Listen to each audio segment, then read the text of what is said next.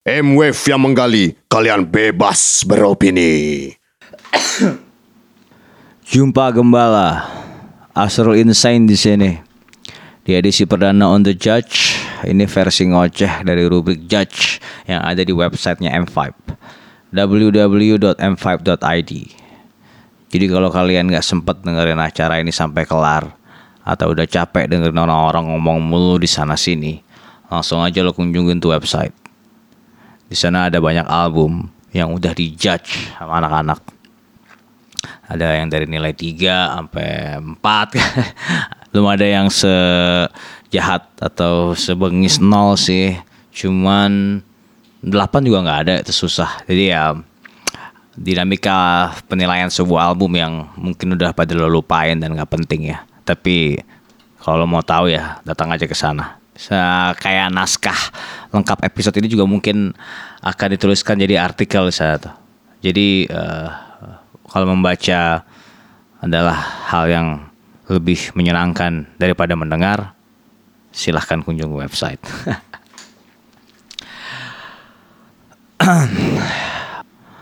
Untuk jam 4 pagi ini di markas M Wave, gue punya bapak dengan debut albumnya Miasma Tahun Asu.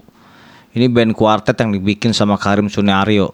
Baru-baru ini juga langsung rilis albumnya. Ya, Karim sendiri udah dikenal sebagai apa ya orang yang paling berpengaruh gitu di, left field asik underground hip hop Jakarta Selatan eh, sebagai Bab dan hmm, Yosugi ya. Ya. Jadi eh album Miasma Tahun Asu ini dirilis mungkin dua bulan lalu eh, atau Mei kali ya atau dua ya Mei Juni gue lupa lah.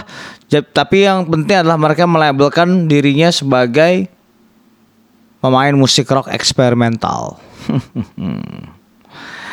ya eksperimental itu kata yang masih bisa di pental-pental gitu.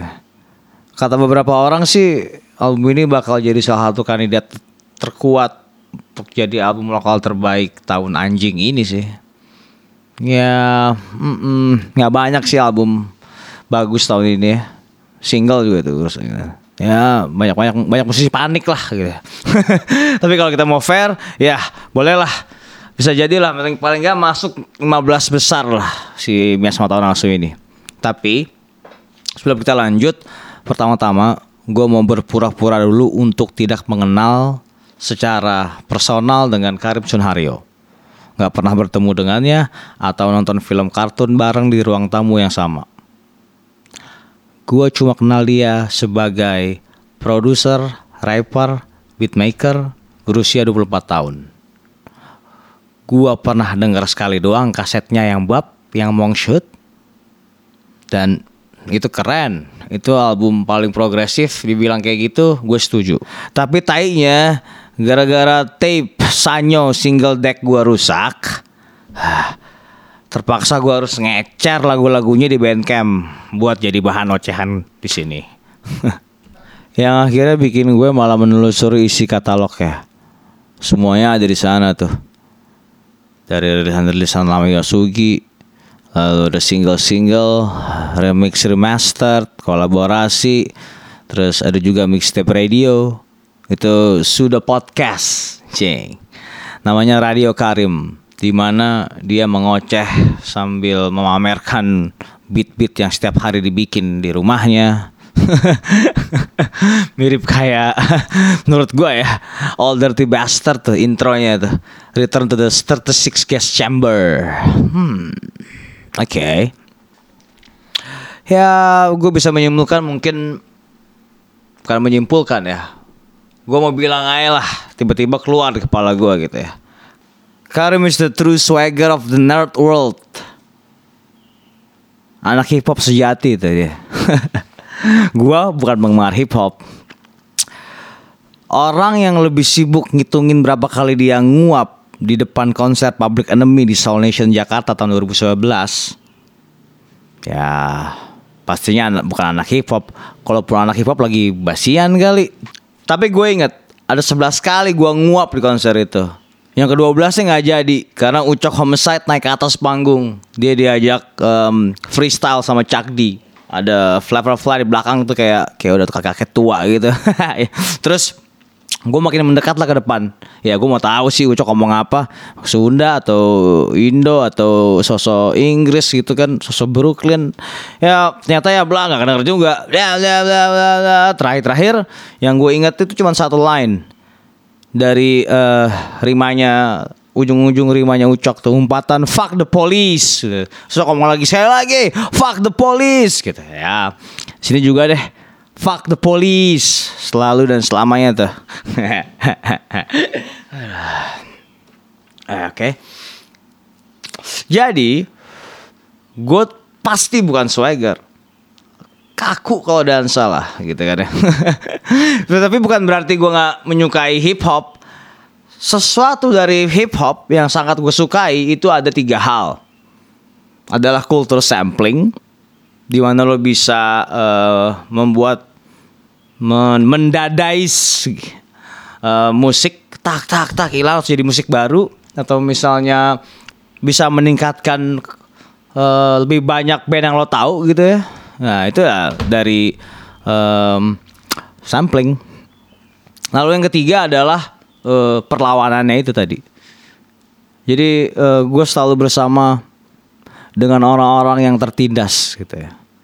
Nggak ada musik atau budaya atau karya seni yang lebih keren, lebih karismatik, lebih menyayat hati dibanding musik yang dilahirkan dari orang-orang yang benar-benar tertindas gitu ya. Orang negro ya jelas tertindas. Gak cuma George Floyd gitu ya.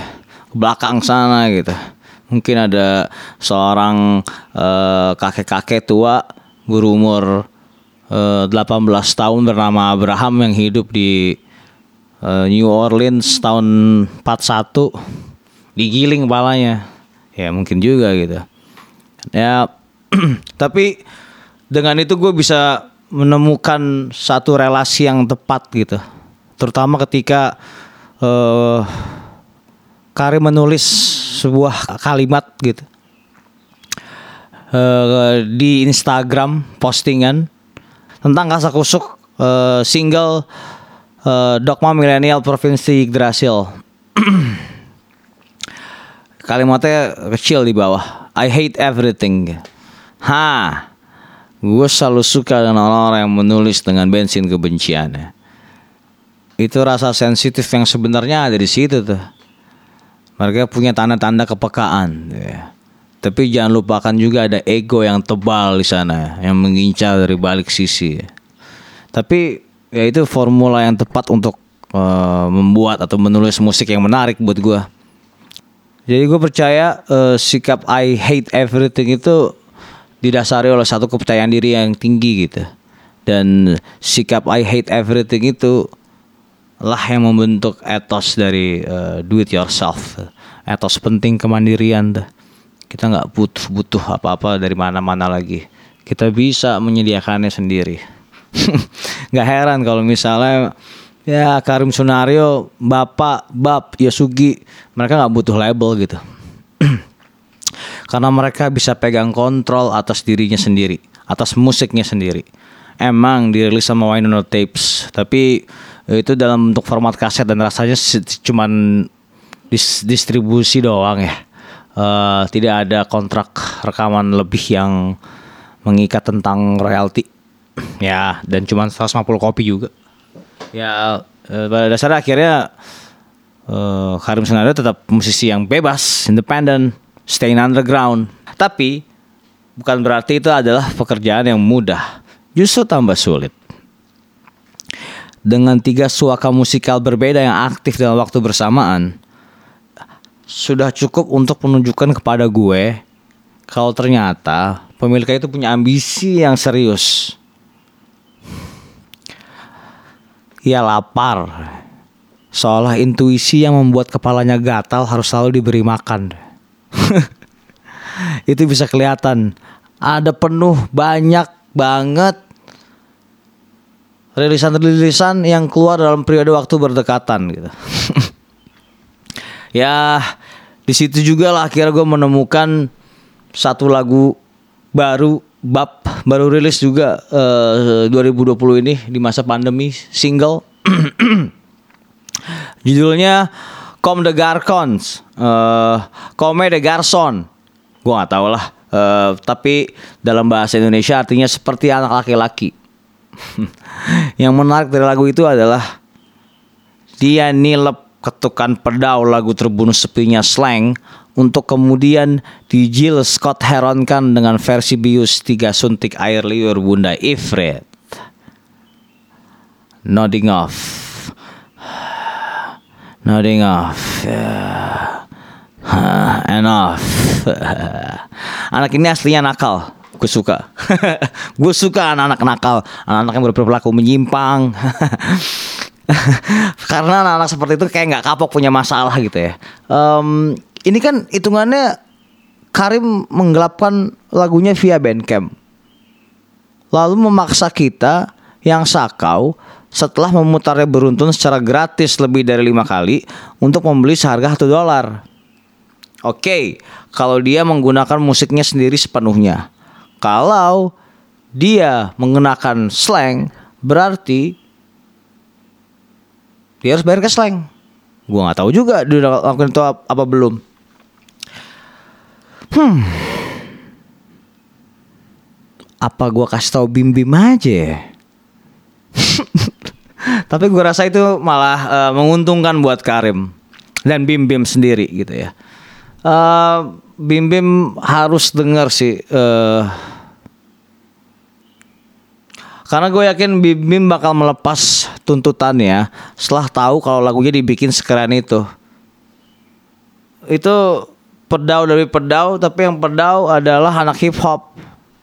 Ya, lalu yang paling penting adalah Bim Bim kemudian berusaha ikhlas untuk memahami bahwa seni curi mencuri, rombak tempel, kultur sampling di hip hop itu adalah sebuah tindak penghormatan.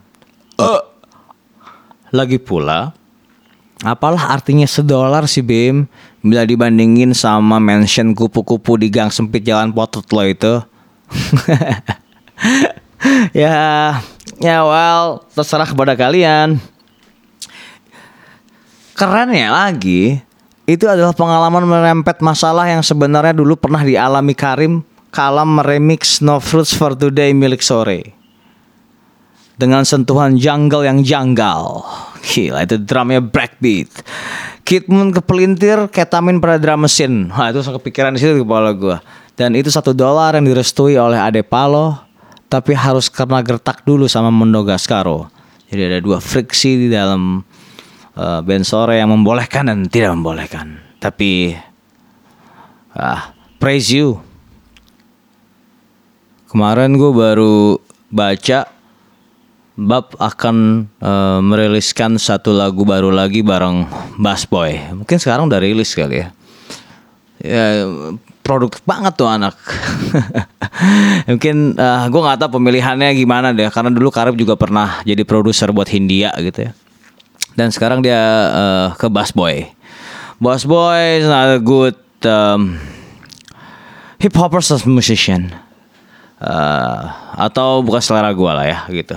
Eh, jadi mungkin mm, positifnya adalah kolaborasi ini bisa menyelamatkan karir dari seorang musisi. Yang mana? Ya gue nggak tahu. Tapi melihat ambisi Karim Sunario di sepanjang awal eh, 2020 ini, wah semua rilisan itu ya. Gue jadi keinget sama ucapan temen gue, eh, seorang jurnalis musik, ini anak milenial nih, usianya di bawah 30, namanya Sindu Alpito. Dia punya acara namanya Sindu Scoop. Dia bilang kayaknya sulit dah untuk nemuin lagu-lagu baru di era streaming yang nantinya bakal awet dalam usia panjang gitu ya. Ya karena keinstanan yang diberikan teknologi itu sendiri gitu ya. Ya untuk merilis sebuah karya gitu. Lo udah pada nonton eh, film sosial dilema kan? Ya mungkin di situlah awal dari segalanya terjadi. Gini kata Sindu. Musisi hari ini melihat karya bukan lagi sebagai monumen, tapi cuma sebatas media pelepasan ekspresi. Pengerjaan sebuah album sudah tidak lagi dianggap suci sehingga berujung pada hilangnya status pendengar setia. Sebab perputaran musik baru datang begitu cepat dan berlalu. ya sialnya sih gue sedikit banyak mengamini ucapannya ya. Dan gue ingat waktu dia ngomong itu eh, spontan lah respons gue tuh langsung kayak dengan pepatah yang sangat oke boomer. That's right kan naif millennials. Jangan-jangan semakin maju zaman semakin mundur lah kita. gue ngomong gitu sama dia. itu sebenarnya nggak keluar begitu aja gitu. Tapi gue telah menyerapnya dalam sebuah tata arogansi khas seorang penyair ilegal yang dulu pernah meminta Presiden Amerika untuk tampil telanjang di TV. Ya. Dia ngomong gini soal musik. Musik sekarang sudah seperti sampah, saking banyaknya tertanda Dylan 79 tahun bau tanah sudah siap mati ya ya mm, kita semua datang dalam uh, gagasan generasi dan uh, tahun dan cangkok yang berbeda gitu. dan sebelum kalian berani-beraninya mengonfirmasi status dinosaurus saya, saya akan menyangkalnya terlebih dahulu. Di era ketika musik gratis membludak seperti gunungan sampah, satu-satunya pelanggaran yang bisa dilakukan oleh seorang fans musik adalah merasa lelah. Lelah untuk menggalinya. Kejebak, mentok, ke situ lagi, ke situ lagi. Di era kebiar internet ketika para musisinya merilis karya sesering anak kucing itu mengeluh, satu-satunya cara terbaik untuk menyaring air kencing mereka adalah dengan sering-sering melepeh. Bah! Dan gue melepeh musik baru sesering menelannya. Sebagian besarnya adalah sampah trendy. Dan sisanya dilema. Beberapa yang gue suka kena di hati gue masukin ke playlist lah. Uh, gue mau tahu uh, seperti apa sih cap dari generasi yang menuai hasil dari kebebasan menjadi diri sendiri. Ini uh, konteksnya seperti itu ya. Mereka bisa bikin apa aja sendiri gitu. Ya, ya begitulah cara gue mensyukuri kelahiran generasi ini gitu. Ya, apa namanya? Digital zoomer? Uh, gue nggak tahu lah. Gue belum pernah menemukan uh, istilah yang lebih menyenangkan daripada kata milenial. Kalau gue sebagai anak milenial disebut anak milenial males sih. Mending cari kata yang lain. Mungkin generasi hmm lewat deh pada intinya gue cuman alergi denger musik jelek. Alergi ya? Di kuping gue ini biasanya kalau udah mulai keluar tuh satu nada gitu ya dia akan mulai getar tuh. Dia kayak tumbuh kutil tuh di belakangnya tuh. Nggak ini benar terjadi. Nah gue suka jijik dan gue kadang-kadang karena rambut gue gue panjangin untuk nutupin itu gitu. Kalau musik jelek itu nggak berhenti berhenti dia akan menyebar terus tuh ke, ke semua kuping gue kiri yang kanan. Duh makanya kadang-kadang gue kalau ada musik uh, jelek gue akan lebih baik berusaha untuk mematikannya atau uh, gue cabut. Hmm, musik jelek itu udah kayak benalu soalnya. Oke, okay. um, aku milenial, aku madesu, masa depan suram. Itu adalah uh, kalimat yang selalu gue inget dan berbunyi di sampul belakang kaset Mongshoot. Dan menjadi dan sekarang menjadi satu lagi bukti bahwa Karim is hating everything. Ya kan? Itu ironis sih. Pasti selalu ironis gitu. Pesimis juga tapi dia ambisius. Kayak mana itu jadinya ambisius, tapi pesimis di tengah-tengah keadaan ironis. Hmm. Mungkin seorang psikiater bertarif satu juta per malam bisa membantu menjelaskan letak duduk permasalahannya ya. Um, dalam 6-7 sesi curhat dan lembaran-lembaran yang tercatat setralin, metrazepin, metilpenidate. Tapi gue nggak punya waktu sih untuk itu. Dan rasanya kok seperti berkawan dengan bandar ya. Hah, yang mana cukup menguntungkan sih. lo datang ke sanitarium, lo curi resepnya yang kosong, lo fotokopi 100 biji, lalu tebus di apotek generik. Dan ini sudah jam setengah lima pagi. Apa yang mesti gue butuhkan untuk menjawab pertanyaan itu? Pasti gue akan memilih dan sewajarnya cara yang lebih efektif. Oke, cut the crap. Wah, Hah, untuk ukuran album dengan titel menabok seperti Miasma Tahun Asu, rupanya album ini tergolong sangat lembut. Atau barangkali lebih tepatnya disebut um, melodramatik atau derana. Derana itu artinya tabah dan menderita.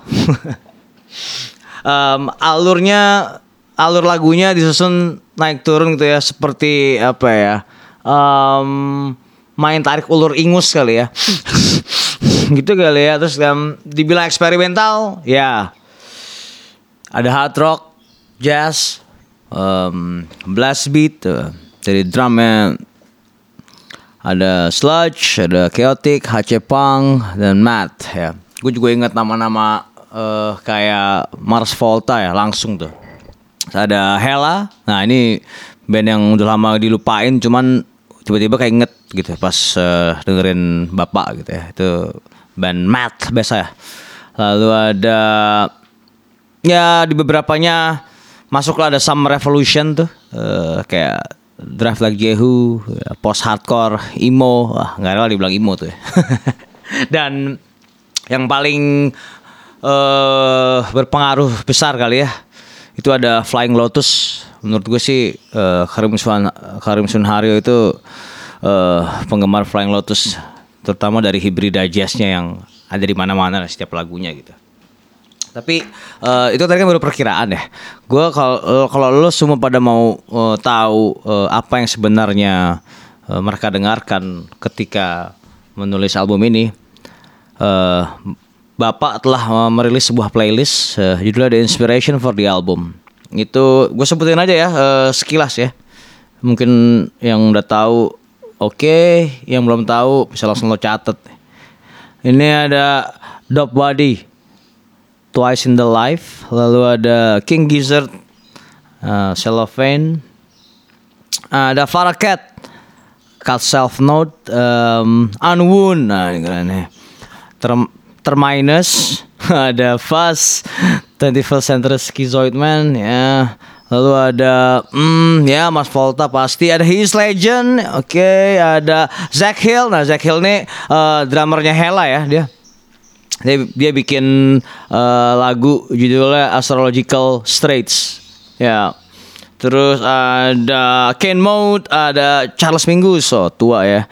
Ada FK Twix, ada Converge. Ya, lo bisa lihat dong dari mana mereka menghasilkan eh, patah-patah uh, itu ya. Lalu ada Sufjan Stevens. Nah, ini kalau agak melembek dikit si Karim dari sini nih kali ini. Ya ada Jan Jelinek, wah ada apa nih? Um, Dark Buddha Rising. Oh, oke. Okay. Ada Broken Social Scene uh, early 2000 ya anak-anak indie uh, SMA yang senang-senang Flying Lotus ya ada oke okay. ya itulah ya ada sebanyak bawah lo bisa lihat sendiri lah nanti ada Santana anjing Santana anjing ada ada Yes juga oke okay. itulah uh, pencampuran musiknya itu ya eksperimentasinya uh, dalam segi pengaruh uh, rock jazz gitu ya atau hip hop itu di tadi bisa lo lihat di playlist itu dan beginilah jadinya. Jadi kayak lagu Black lagu pembuka di album ini Black Heron intro itu mengecoh tuh. Ya selalu saja ada puzzle gitu ya. Awalnya ada petikan yang gitar yang oh kira cuma main-mainan doang gitu tapi lalu kita lama digiring masuk ke satu bridge yang jebret tiba-tiba ada I Hate God atau Bongzilla main di situ tau gak lo? Dari soundnya, ada noise-nya, nah, perpaduannya oke okay lah. Uh, itu hibrida yang halus kalau menurut gua. Belum selesai di situ ada di ujung-ujungnya masuk mereka ke metrock. Wah, tertak tak tak tak tak tak tak tak tak tak ya kan. Ketukan drum patah-patah itu tuh. Um, Dillinger Escaplane, tadi Converge gitu ya Ya, jadi kadang-kadang gue punya uh, pemikiran ya kalau kalau orang dulu ya om-om kita atau bokap-bokap kita yang mungkin belajar rokoknya di tahun 80-an itu kenalnya istilahnya prok. Tapi kalau sekarang namanya mat. Ya, mungkin itu korelasinya atau cocok lagi ya. Matt lebih brutal kalau. itu rasanya mungkin sama kayak digebukin eh, lebih dari lima orang tapi lo nggak bisa ngelawan dan lo diem aja dan lo menikmati itu kali. Itu brutalnya sebrutal em, apa poprokan di Dangerous ke plane gitu. Oke, em Mias Motonaso ini termasuk album Alpha Omega ya. Dia awal dan akhir ditutup oleh sama hal yang serupa itu eh, instrumental. Eh, di intro ada Black Heron tadi, di outro itu ada White Heron gitu ya. Tadinya gue pikir Heron itu teorema Heron ya. Tapi ternyata bukan. itu ternyata adalah eh, burung heron gede yang datang ke mimpinya Karim gitu. Katanya dia naik motor gitu eh, dan eh ini, ini dia bilang di s- di persepsi itu adalah satu sesi eh, Karim menggambar dan menjelaskan bernarasi terhadap lagu-lagunya yang ada di Instagramnya dia bilang kalau eh, itu adalah mimpi yang sedikit mimpi dia selama 20 tahun ini yang terasa teringat jelas di kepala ya. Jadi inilah lagu. ya yang menarik di outro itu White Heron ya mungkin kalau yang pertama Black Heron tuh gelap, depresif, destruktif. Di White Heron ini dia eh, kebingungan itu, keputusasaan itu, kegeraman itu, keanjingan itu ditanyakan kepada ibunya ya di sebuah ruang tamu dan ya di situlah kalau lo mau tahu bagaimana eh, nyokapnya Karim memberitahu sebenarnya apa sih pandemi 2020 tai ini ya lo harus sampai di situ tuh. Eh, sangat sentimental eh, sangat personal sensitif. Nah itu tuh tadi. Itu semua orang itu semuanya adalah hal yang bisa didapat sama orang yang eh, bisa bilang I hate everything. Ya ada keindahan di situ sebenarnya gitu. Dan gue bilang sangat personal tadi juga karena ada sebuah lagu ini ambience judulnya hijrah.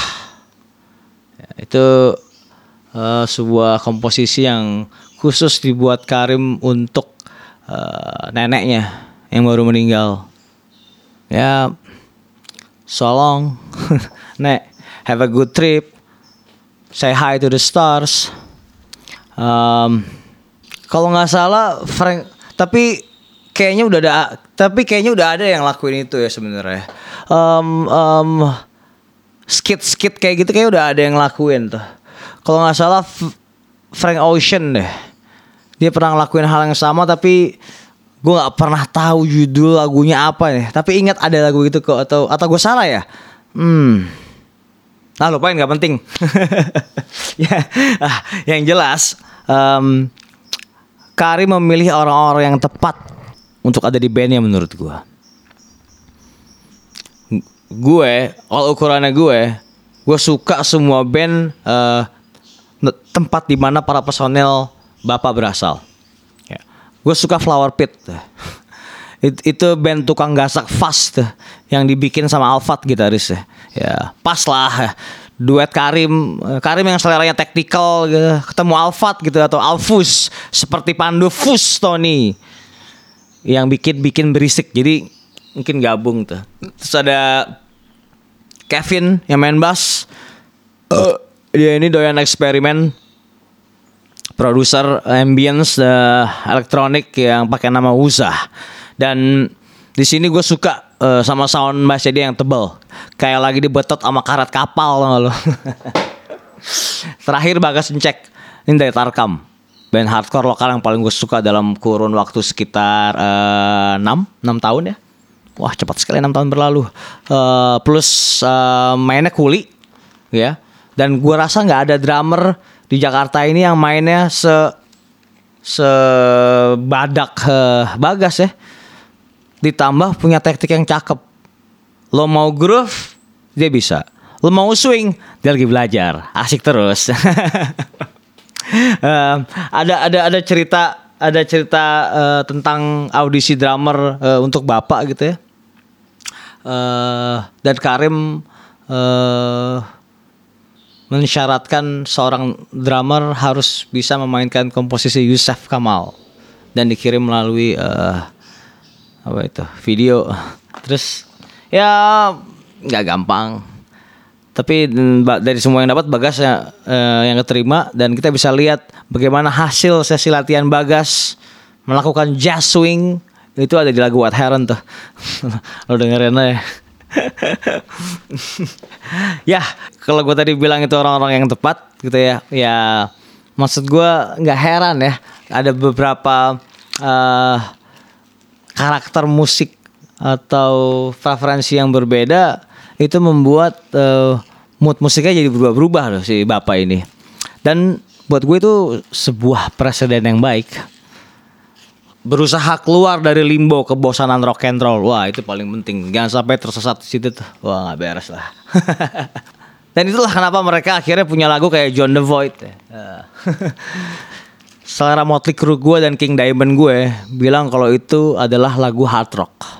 Lagu paling keras yang ada di album mau tau gak kenapa karena Karim mainin solo gitar satu-satunya solo gitar yang nggak norak buat dimainin lagu hard rock di zaman elektronik kayak gini adalah menghasilkan noise. Dan syukurlah itu yang dilakukan Karim. Udah gak butuh lagi tuh gue Another Dave Navarro Dah. Setengah perjalanan terakhir dari John The Void ditutup sama komposisi badai yang hektik. Di situ ngaduk frekuensi, ngaduk harmoni, ngacak-ngacak, improvisasi, em, ya noise complaint expected. Jadi kalau ada apa panggil aja John Void. Di balik topi koboynya ada papir sama kartu nama. Minta aja. John Void mungkin lagu yang paling keras di album itu. Tapi bukan lagu keras yang paling gue suka. Yang paling gue suka DMPY. Dogma Millennial Provinsi Yggdrasil. Hmm. Gue sebenarnya nggak tahu ini apa Yggdrasil. Gue pikir ini adalah em, seperti tepat eh, fantasinya Karim. Tapi ternyata eh, itu adalah eh, pohon kehidupan dalam mitologi orang Nordik gitu ya yang menghubungkan kesembilan dunia kosmologi dalam eh, budaya Nordik. Gue nggak tahu kenapa Karim pakai itu. Mungkin kalau gue punya kesempatan untuk wawancara, gue akan lakuin itu ya. Hmm, tapi rasanya Karim memang suka dan tertarik dengan hal-hal filsafat atau dongeng mitologi ya. Ada atau lagi tuh judulnya Orpheus, eh, Life from the Underworld, yang mungkin akan kita bahas habis ini ya. Di MPY pure hybrid hardcore tuh menurut gue dari awal dentuman drum urat leher urat leher Karim tuh ketarik tarik nyanyi tuh. Ada noise nya ada bass terengginas lah semuanya. Diakhiri sama Emo Revolution Summer agak-agak mirip fake sih kedengarannya itu karena fake band bagus jadi sebenarnya yang ditiru adalah mungkin Drive Like You dan di ujungnya ada noise heavy sludge yang lain dan ambient di situ ada Tomo Hartono nggak salah dari Rekah ngikut-ngikut di. Dan yang gue tangkap juga eh dengan durasi lagu yang panjang-panjang gitu. Kayaknya anak-anak ini eh, nggak rela deh buat nyelesain lagu gitu. Mereka pengen tambah terus, tambah terus, nggak kurang-kurang gitu kan. banyak masih banyak yang mau dimainin gitu, masih banyak yang kita bisa bikin gitu. Gila. Ya kadang-kadang memang harus butuh produser sih. Tapi kalau punya semangat juang eh, rotor kayak gini sih kayak nggak perlu produser sih. Lo hajar aja juga lah. Eh, mungkin malah pas saat-saatnya menggila nih sekarang. Produser kadang-kadang eh, hanya bisa menahan dan menahan. ya different case. Oke, eh hal lain lagi dari DMPY yang membuat gue jadi suka dengan lagu itu adalah dinyanyikan dalam bahasa Indonesia. Gue tau lah itu lagu yang mm, nihilis sih sebenarnya. Terus eh, simplistic juga dan dinyanyikan dengan emosi yang berkarat gitu. Dan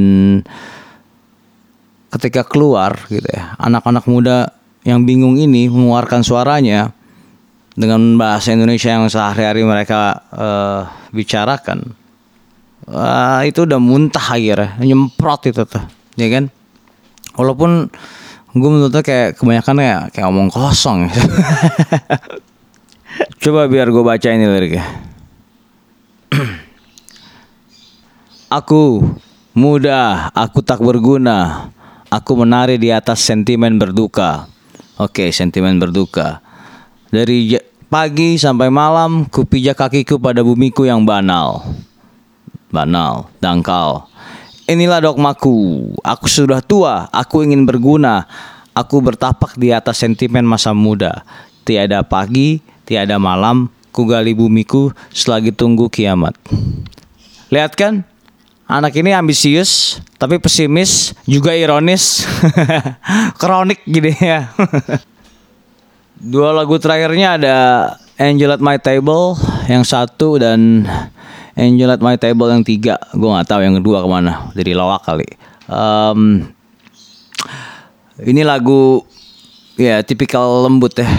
Sendu, eh, jazz, ada saxophone, terus eh, tapi ya dasar eh, anak nggak bisa diem ya. Di ujungnya dikasih chaotic.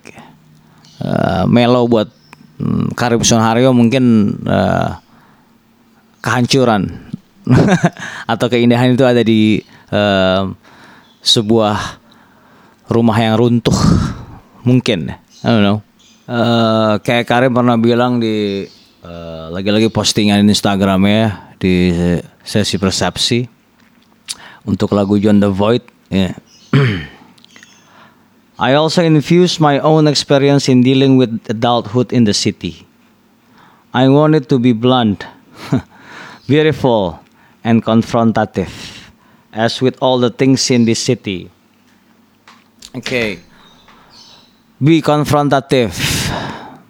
I'm glad to hear that. Oke.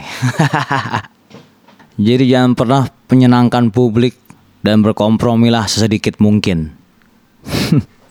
Gue jadi inget lagi kata-katanya Sindu. Pertanyaannya Sindu. Lalu siapakah yang masih bisa mengingat Miasma tahun asu? Debut penuh bapak yang keren ini dalam taruhlah 6 tahun ke depan. 6 tahun 2025 2026 Mungkin Karim udah merilis banyak lagi eh, single-singlean remix dan lagu-lagu yang lain. Eh, jadi mungkin gak goya masih diminta eh, di panggung di eh, tahun 2026 atau eh, DMPY gitu. dan ya mungkin juga karena pasti nggak peduli sih. Gue pikirnya nggak peduli juga sih ya. Em, dia nggak peduli juga eh, apakah lagu-lagunya akan langgeng atau tidak gitu. Dia akan selalu bisa membuat lagu baru yang lebih baru lagi.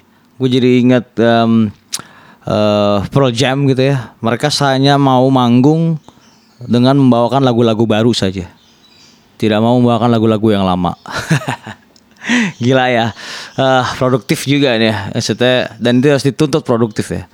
Eh, sebelum ketinggalan, eh, ada satu nama yang sebenarnya mengingatkan gue kepada eh, Karim Sunario nih ya.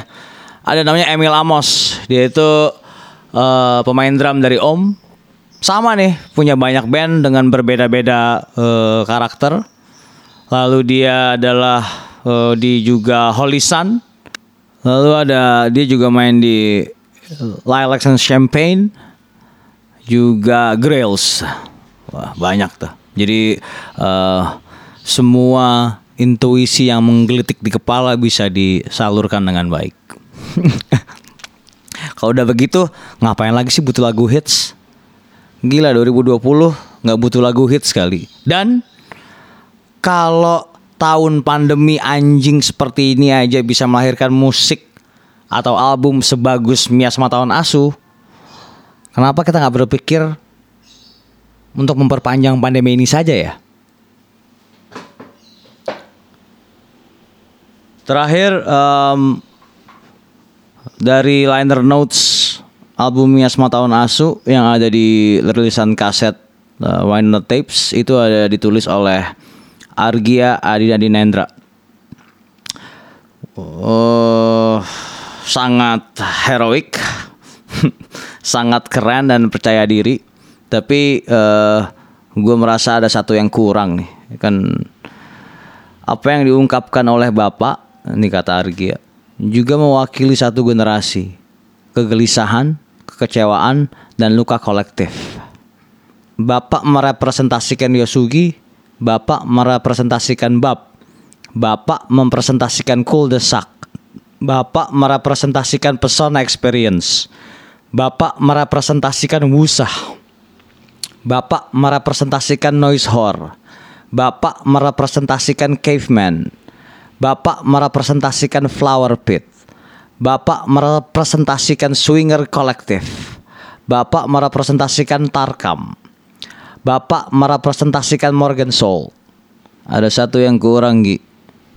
Bapak merepresentasikan orang-orang labil. Jadi nilai final untuk album Miasma Tahun Asu dari Bapak ini adalah